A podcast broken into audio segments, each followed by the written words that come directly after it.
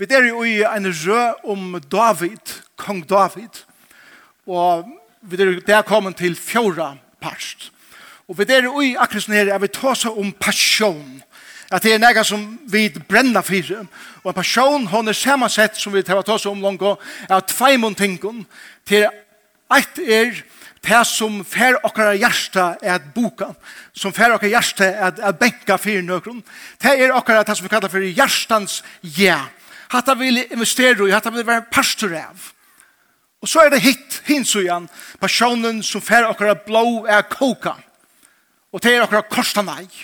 Og det er nekka som jeg vil berjast en motor. Og nekka som jeg vil gjere enda av, og ikkje heva nekka vi er at gjere. Og god er givet okkara tvei anpå. Tvei ting som er pastor akkurat løyve, som, som vi bruka til at utinna til. Og det er hørspann, vi tar som hørspunna i siste vika. Og det er slungebandet, som vi får ta oss om i det. Hørspann ombå at det som er vel litt opp. Vi må passion. Slungebandet er hinsujan, og til det som er vil være vi til at stekka eller bråda nyer. Det som er mot korsta, nei. Det er lagt å ta seg om hva vi elskar, er det ikke? Og vi har gode samtaler om hva vi elsker. Hva er dere hjertens skje? Hva vi vil investere i? Hva vi vil lytte opp? Hva vi vil fære etter? Hva vi vil drine ned? Hva det vil djeva til? Men det kommer til at ta seg om at heta.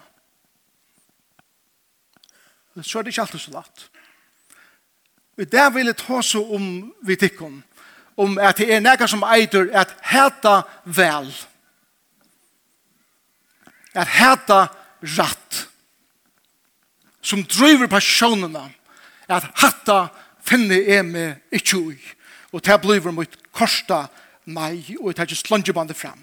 Så halt i hans som sannleggene nå og gjerne i hånd og for å komme alltid til hvordan det ser ut i akkurat livet men fyrir jeg vil sutja en bibelska søve eller illustrasjon om det så fyrir vi nå jeg slå opp på fyrir fyrir samansbog, kapittel 16.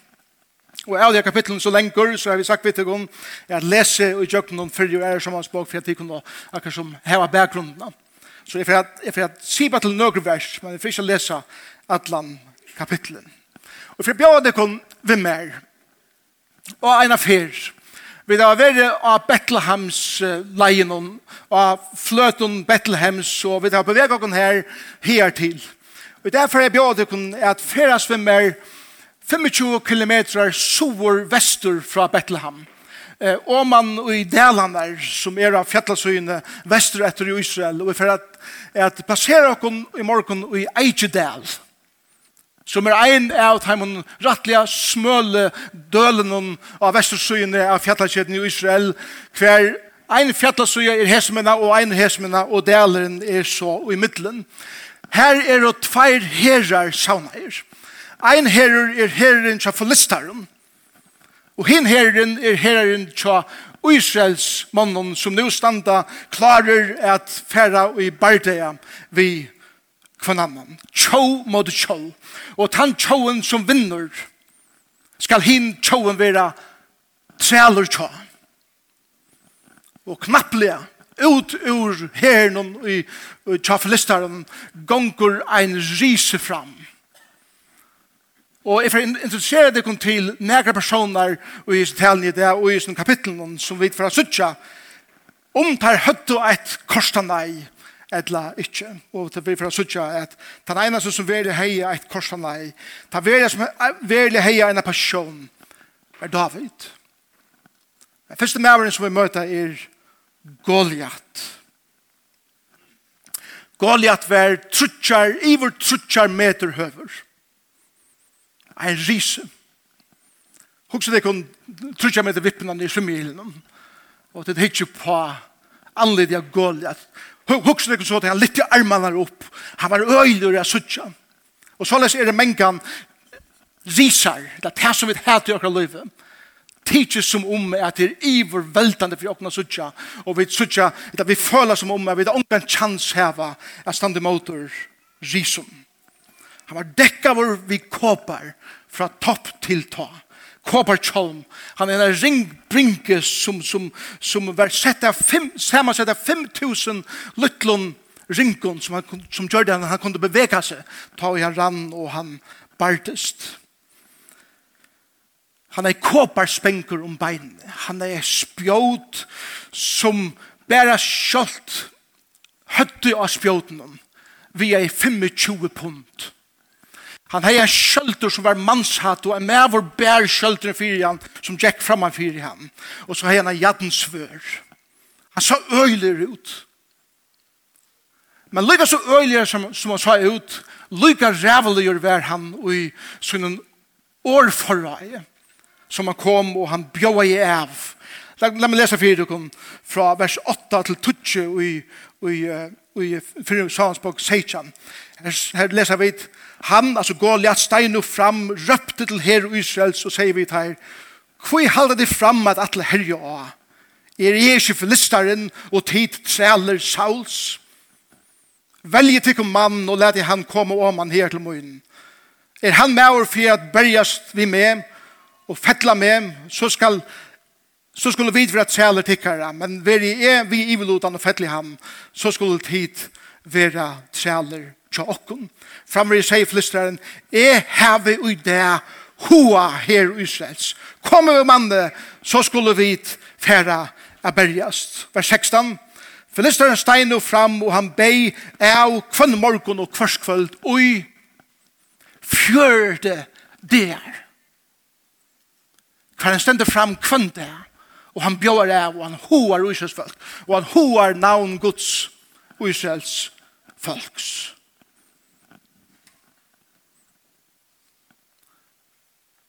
Og ta møte av den nøren.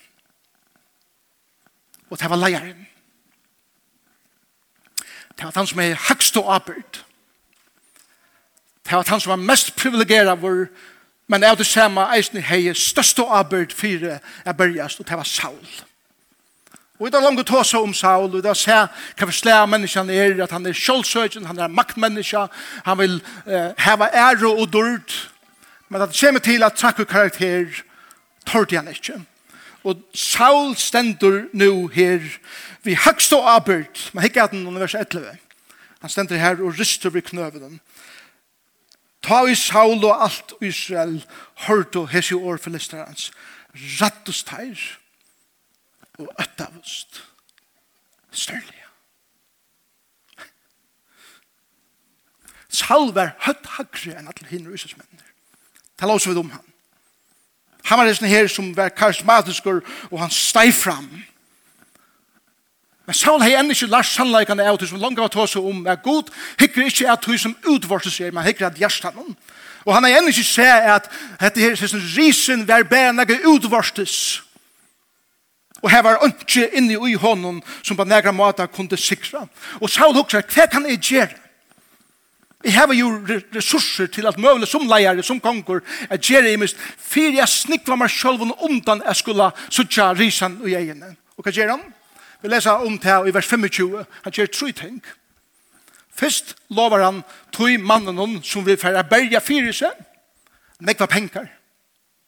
Å, det er attraktivt. Så bjør han nummer tvei er døtter til den mannen som vinner av Goliath. Jeg vet ikke hvordan attraktivt det var. Så vi møter til kvinnene settene i, i, i, i, i røyene. Og nummer tre, her hadde ødelt sagt ja og det er resten av livet skal to og tøyn familie slippe undan å betale skatt. Her var flere ammen, det er sikker på. Og flere hadde lov på sted. Men ønsken tårer. Ta i leieren ikke til å arbeid. Ta i leieren ikke stod fram og er fire mynd. Hvordan skulle ta andre fylkja etter? Saul, han hei ønske hjertens jeg. Og han hei ønske korsta meg. Det eneste som Saul hei var øtt. Og her stender han. Så han var introduseret til en tredje person. Og det er Eliab, eldste badje Davids. Eliab og, og hinne bare badjene som vi da langt hos om, der var en pastor av herren til Saul. Der var ui krynen.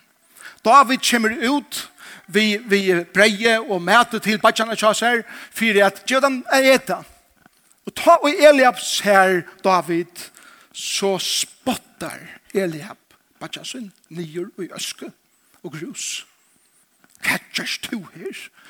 Du kommer bare her av frekna sko som gonger i barda. Så gjør det ta og ungen annar eller ønsken av okken tårer å gjøre det som jeg eier gjøre, så har jeg en ånder som tårer bedre enn jeg. Så jeg hater at onker andre gjør til arbeidet som jeg vet jeg eier å gjøre. Og det var det som Eliab struttest vi. Så ikke det. Og han hoa i bætja sin. Og det var grunden for at Gud ikke helt han være egnet igjen til å være kong i Israel. Og David sier, er det ikke grunn for jeg spyrja spurningene som jeg spyrja. Det David spyr jo hva, hva hender her, og han ser Goliath, og, og hva flutja øtlo, og, og hva løyva disse mannene spotta god. Og han gjør neka, og David sier jo bare sånn til han spottar han. Her er ikke grunn til å være her. Her er ikke grunn til å spyrje inn hva det er som gonger fyrir seg her. Og det sender at han vender seg fra hon, han tar seg i vujere vi mennar og Eliab fer her ut av mynden i atur til at han hei ikke eit korsta nei. Og han hei heldig seg et hjertan skje. Han hei kjendist av øvund. Saul av øtta, Eliab av øvund. Men så vil jeg interessere til David. David Han ferest i middelen av vera tja Saul og av vera ute av marsjen i Bethlehem og ansett seg om tja pappa sin. Han var, han tante vel her som han var. Og vi leser i teksten om at ta Isai, pappa David, be han færa til brorsen av en medpakka, Det stender at det var brei og ost. Så jeg ble bare si at det er ostaburkar som David får vi til Bajanskjasser. Ta sier til David fyrir at anker annar kom og sier til tja segenom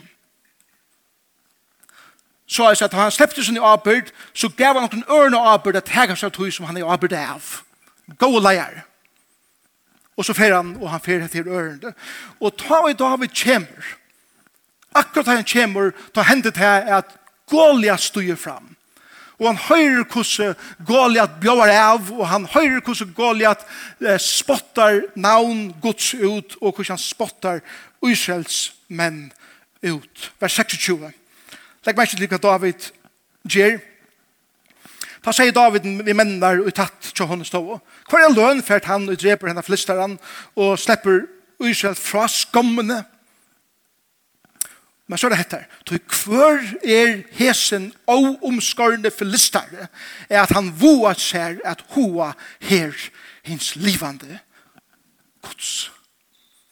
Hette fyrste for god vi er nevnt i hesen kapitlet om er første fer at nægare av som er ui hissen her ser hva verlig hendur. Og her får vi denne, et innleden ui hva eit av teimen tingene som gjør det til at blået til David får ui kåk tog at han har en passion fyrir gode og han sier korsta nei skal det være at min god og hans herre folk verur hoa.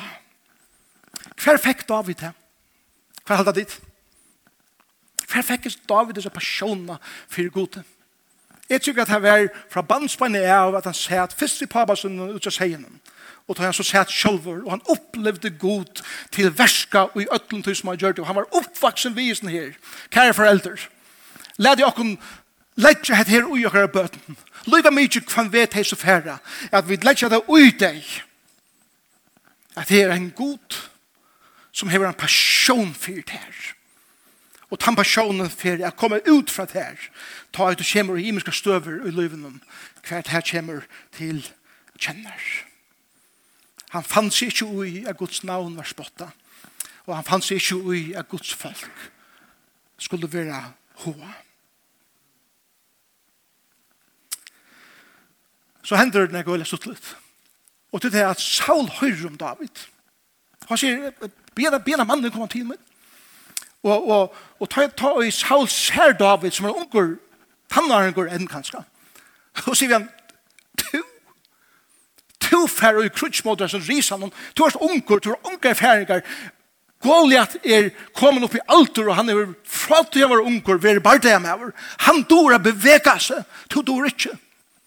Og så forteller David honom om at, skal jeg fortelle deg der, da jeg ser ikke å si noen, og ein leiva eller en bjøden kom og tok eit av lampen så leipi jeg av og jeg skratte lampe ur munnen eller kjeften og, og, og jorden og bjergeit og om det så leie av meg så leie jeg av atter og jeg tok og skjetje av leivene og drep henne og jeg sikkert saulus det ha du du er litt av frell Mengan er til lytle frellene. det er styrkast. Hikk ikkje er at utforstes. Hikk er at passionene som er en menneske. Og så, så sier Saul dette typiska. Og Herren sikten det som du først. Det er sånn andalig klisjé, er det ikke det? Da vil ikke tåra, og han kan ha tåra, Å, Herren sikten det. Pju, det er godt i stedet fra. Det er slag av hopper. Men, men, men for at før som lysen til du sier Saul ved David, jeg halte at du skal fære om i herklær. Altså, Saul var extra large, David var medium, cirka. Og han fære ui klærne, og så stender at han røyner er genka, men han fære ikke rørse. Og han orskar ganske, ikke langt litt av svørnen til Saul. Og han fære ut i atter. Han teker stavene, han teker stundjuband i hånd. Så sier det, Det nyttar ångan du er færre og en bardeia. Det nyttar ångan du er at heva et korsta nei tja nokon øren. Tu måst berjast vid tunn egnu våpnen. Det nyttar ikke bruka gavnar og passioner tja øren er berjast vi. Jeg må berjast vi munnen, munnen våpnen, munnen slangebande, munnen i hørsbo og i min liv. Og David blekade bort fra seg og, og han fyr og i motor og filisteren. Og han fyrer om han og gjerne lytla å som brenner tjokken eige del og tan å i nere enn det. Og han teker fem steiner og han køyrer taskene. Han brukte bare ein og han hei fem. Steinene er strategien for kurset til bergjøst vidt en slungeband. Steinene er strategien når greilige kusse og av kvønnhått til brukar til slungeband. Jeg får illustrere det her. Jeg sender settene. Men lad oss lesa fra vers 3 og 4. Nu, nu møtast Saul og David. Og lad oss bare, bare lesa hendelsene så der, som, som, hun, som hun gonger fyrir. Vers 3 og 4. For listeren sier vi David, er det hundur som du kommer mot dem, er stave? Hva bytter du der inn? Det er faktisk det som han sier. Og filisteren banda i David om godsyn. Så kjenner seg filisteren David, kom her til moen, så skal jeg gjeva fuklen himmelsens og dyrna marsjene kjøtt ut. David sverre i filisteren. To kjemmer mot meg ved svøre, spjåte og kastevåpne, Men jeg kom i måtet her og i navnet herrens, Guds herskærene, Guds herfylking av Israels, som to hever hoa. Og i det skal Herren djeva te og i hender munar. Og jeg skal drepa te og høgga høtti av te. Og jeg skal i det djeva fuklen himmelsens og ta med vittle døren og hjørne likam av filister i herren. Så alle hjørne skal samna at ein god er i Israel. Og alt dette folk skal samna at det er ikke vi svørje og spjóte i herren frelser. Det er bardeien er herrens. Og han skal djeva tikkun og i hendur okkara. Følg til personen her. Jeg håper du føler teksten. Ta i nu forlisteren for til gongo. Og kom David nærre. Skumta i David her. Og leip fram imot herren, imot forlisteren. Og David stakk håndene nyer i taskene. Tok steiner henne og slungte henne og rakte filisteren bant i panna. Steiner for djupt inn i panna hans herre, og han datt fram etter rommen til gjerre. Sjåles vann David filisteren vi slungebande og steiner. Og han drep filisteren, to at han hei ikkje svør i håndene. Og David leif fram og stå tatt av filisteren, tog svør hans herre, dro til styren og gav honom deia stinje og høgte høtte av honom av vi tog. Og så sender vi vers 4 alt trus. David, han tok høtte vi seg til Jerusalem, men våpen hans herre leie han og kjalt sutt. Det som David gjør her er til at han teker alle sine sikrar og han går med der vel. Inni kjalten til David, Her var et leiv i høtt. Her var bjattna klør. Her var våpna imsosle. Ja, før jeg før han visste at jeg skal bare det, så myntes han atter av hvordan god over har vi hjulpet mer. Kjær tid, ta i tid, si at jeg har korsta nei, og til færre bare det. Mennes ta til bare det, som til langt å ha sikra. Og glem ikke hvordan god over har vi bjerget tikkene ur kløttene og alt ikkar fortjent. Hatt det søva. Hva lærer vi? Hva lærer det denne søvann? Så tenk noe hit frem at du som er tås av Johan er at det er noe som eitur at heta vel. Det er noe som eitur at heta ratt. Til at har vi tås som heta mengan og som eisen passar så er det et slave heta som som legger av. Det er heta mennesker bare at vi vil med deg og det er slave heta. Det er jeg vil legge av. Men hetta ratte hetre er en tuttnega mykje ingredienser av hver to erst og hvem god til vi kalla til til å være. Til en pastor av en gåon personlig karakter i løyvnen tjakken. Hva du hætar sier ekla nekv om hver du erst. Hva du brenner for, hva du ser det virjo i, og hva du legger nekv i. Vi vet at det er god hætar God hater. Vi sier ofte god er karlæg det passer.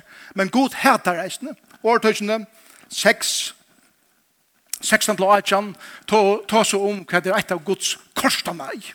La meg lese det fyrir dikon. Seks er det som Herren hater. tjei er det sal hans har anstikt, og er som lysten. Stolt eio.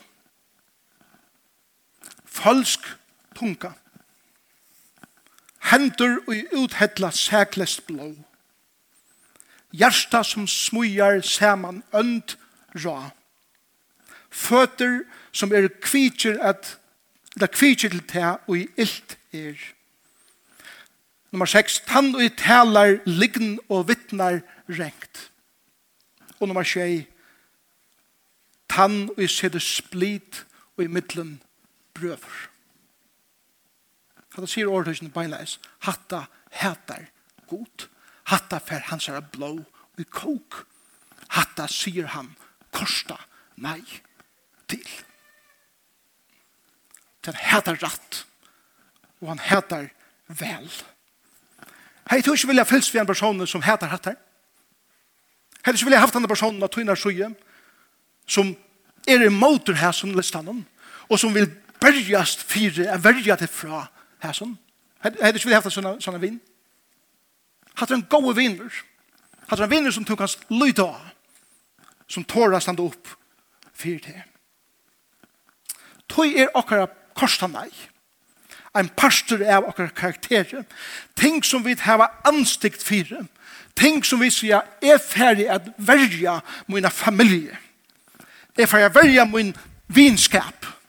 Er ferdig at verja mitt arbeidsplats. Jeg får velge mine samkomme i motor her som tinken her. Jeg får standa som en verje her. Jeg heter vel er at bestemma hva du vil verja i livet. Men det er ikke hins igjen, og, det, er defensivt, men hins igjen er allop, og det er offensivt. At du legger av. Og det er til korsta nei at du sier, jeg får ikke bare samt og verja og være defensiv i alle togene, men jeg får ikke være offensiv. Og jeg får jeg gjøre alle opp av ting som kunne skrive mine familie, som kunne skrive mitt arbeid, eller arbeidsplass, mine kollegaer, mine viner, mine kone, min mann, mine bøten, mine samkommer. Derfor jeg bergast i motor ved å gjøre alle opp. Rombrau 12, vers 9 sier såleis, Karlaisen vil ikke best eite, skutje hitt ytla. Vi gjør noen hæti hitt ytla. Men halde fast vi gåa. Elskje. Det gåa. Hæta tid vel. Jeg håper at jeg føler en passion for jeg kvært tid hæta vel. Og hæta rett. Hvordan hæta vi vel? Hvordan hæta vi rett? Det er nægge vi til å gjøre kommer vi regn om våpnen. Ikke dolka om våpnen. Ikke at hevna på en synda syndafotland måte. La meg gjøre det når du dømer hvordan det ser ut. Ta et du først i bardet ved din slungebande, og du bruker til korsen nei, så gjør du det ikke i fleste føren, og en nyutgjørende hatt. Du gjør det ikke i en i øye, hver du pura flippar ut, og du bare brester i luften. Som jeg sier med, ja, men altså, jeg brester i luften, så det er bare vi givet seg. Og jeg sier at, at Det gjemmer jo eisne vi en byrse. Det er et skåt som gonger av, og så er det stilt. Men skreien som det gjør, er rævlig. Du berges ikke på en måte hver du skapar split, her det ikke nøy ut. Du berges ikke slik en hatt hver du gjør stjupsar, her som det ikke er grunn til tess. Du sluter ikke samrøyngar om til gonger vel, og du dreper ikke forhold, om det vi tog for eia er at endreisa forhold. Du bergist vel. Du bergist vi tog for eia at du vil bjerga forholden. Du bergist av stygan hatt at du vil løysa trobeleikar.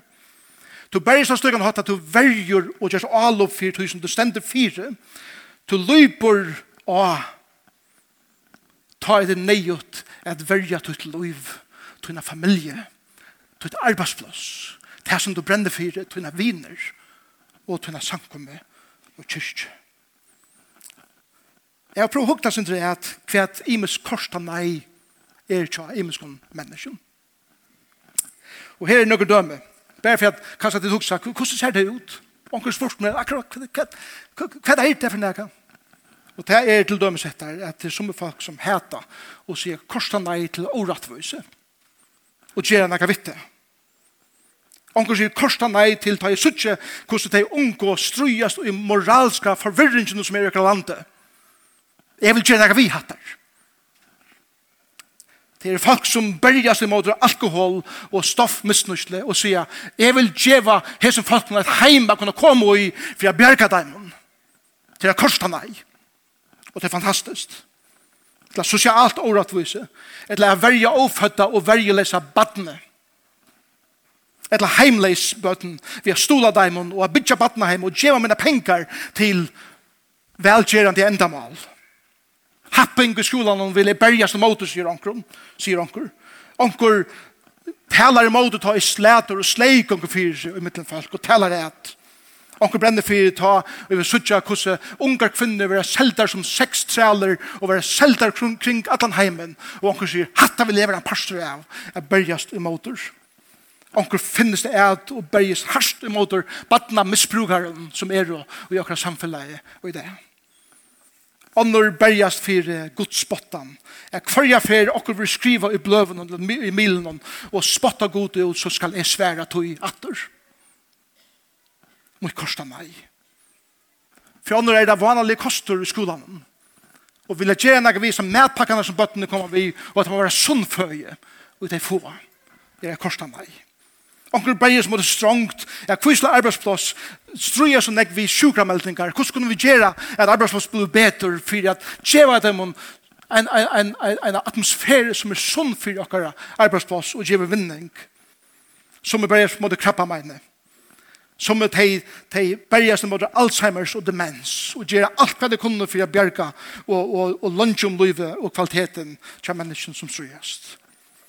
Onkur brenner fyrir hospice i fyrir meg. Jeg gjør at heimann som dodja en, en viljan enda i livet.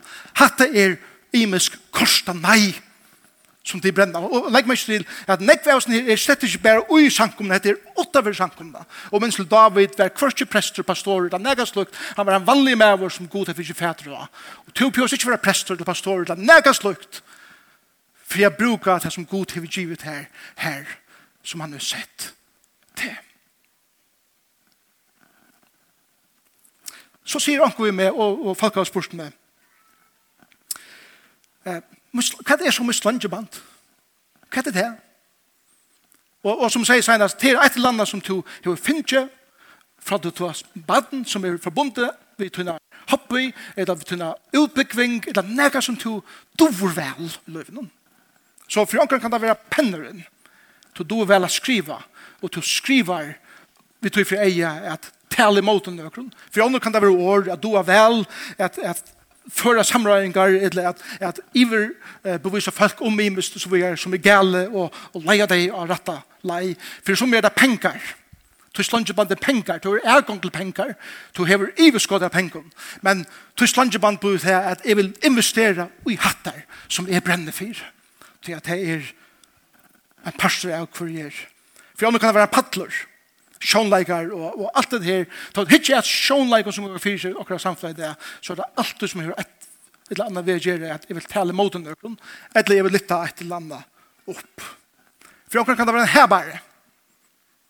For akkurat kan det være sleiv, at jeg går med så har folk livet sunt. Det kan være så utrolig enn jeg vil mist. For nekka kan det være vitan, at jeg vet nekka om nekka, og tog vil jeg gjeva, inn i det. Og et eller annet som folk har spurt med, det er at til slungeband og du hørspa kan godt være det samme ting. Bare tre imenska suger av det.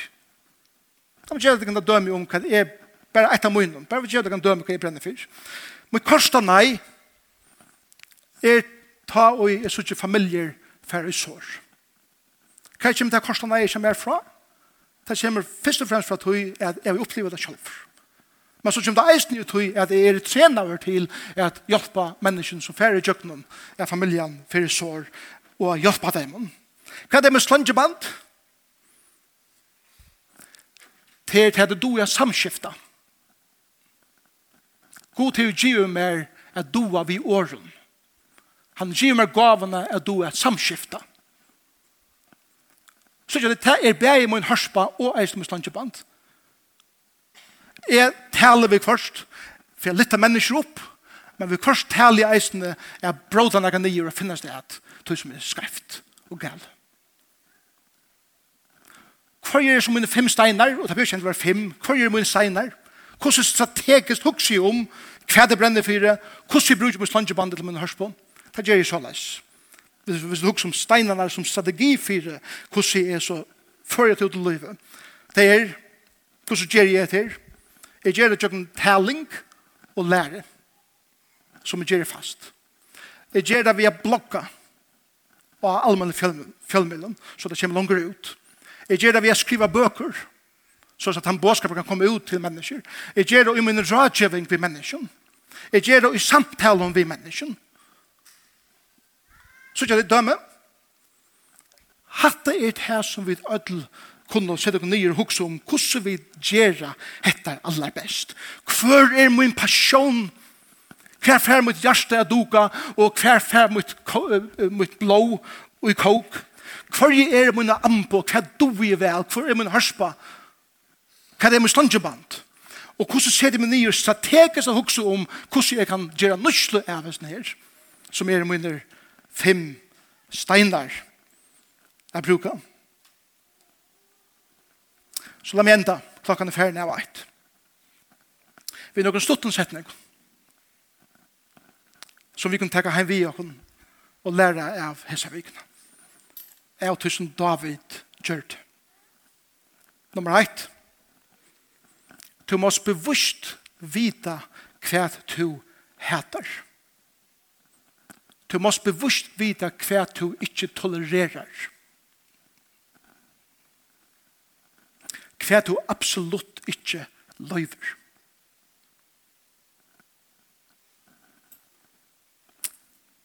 Tøy må du korsta nei være malretta. Nummer 2. Ikke blanda tøyn åsunne hæter vi tøyn ratte hæter.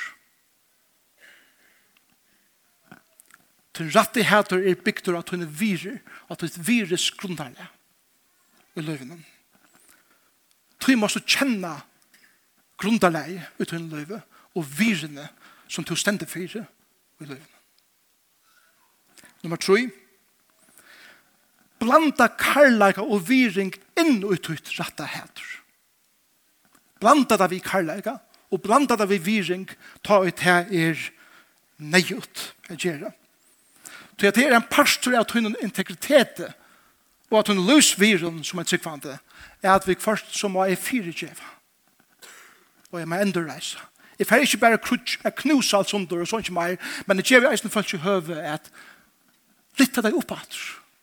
Så jeg sagt at samfunnet kan være enda nødja, at han har bardeien i livet så lenge som til min stender om det er møvelet. Og nummer fyra er hætast strategisk ver laser skarper i hverja strategi til løyper av i. Hverjur er tøyner fem steinar. Ta er færre krutsk. Nummer fem. David bjerga i en heilare tjå til at han har en passion. Han har et korsta nei. Hva er det at du kan bjerga til din familie? Men vår, hva er det at du kan bjerga til din kone? Vi er verja og lebe av ta jo hånd ved og allåpen. Kvinna var stå, tok oss bjerga til en manne. Han kommer hot. Foreldre vidar dit at de kunne bjerga til hver bøtten. Vi er veldig strategisk og i kursen tid vil jeg velge deg. Bøtten vidar dit at de kunne bjerga til hver foreldre eisene. Ta at de færre jøkken imest. Kursen tid vil vi til at hjelpa dem og standa vid herra li. Vast du er at jeg tok hans bjerga til en omkvarve her som du erst. Vast du er at du kan bjerga hukkboren og, og, og lukten og i tunne arbeidsløs. Så er det være et arbeidsløs som er, er, er godt og produktivt og har vinning til du hever en passion som er jøkken huksa. Vast du er at du kan bjerga tunne vine. Vast du er at du kan bjerga tunne samkomme. Og vast du er at du kan bjerga deg sjølven. Vi er videre hvor du har spør, Og er videre hvor først du slanger på deg, Og hvordan du bruker det. Og hvordan du strategisk bergist.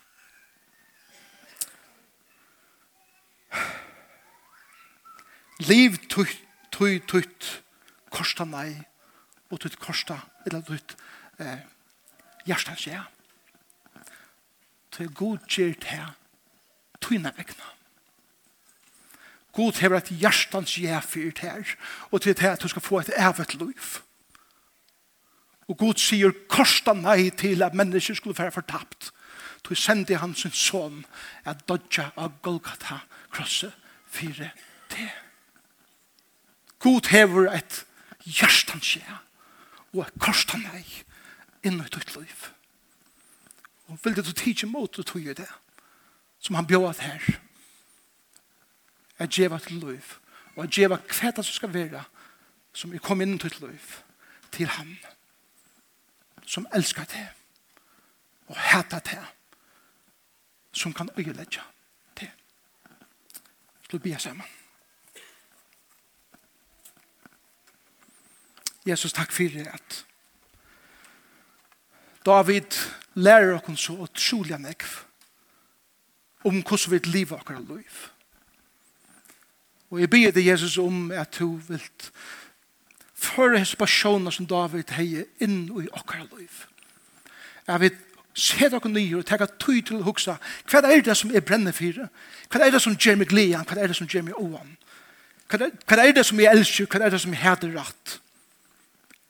Hva er min hørspa? Hva er min stangeband? Hva er gaver hva god giver meg til dess jeg bruker det her? Og hva er strategi legger til dess? Jeg bruker hørspene og slangebandet vel og vurst og rett. Takk Jesus for at du hever en passion for okken. At det var karlagen til okken som gjør det. At du gikk ut av Golgata. Men det var eisen hætrende måte sint som gjør det at du sier korset meg og du gavst ut liv. Åh, den bare det er det her. Og takk for at du sier det er fullgjørst og du sikrer av det gjennom og syndene okkar er vekkene av Golgata Kross. Og i Jesus er navn Amen. Herren sikker deg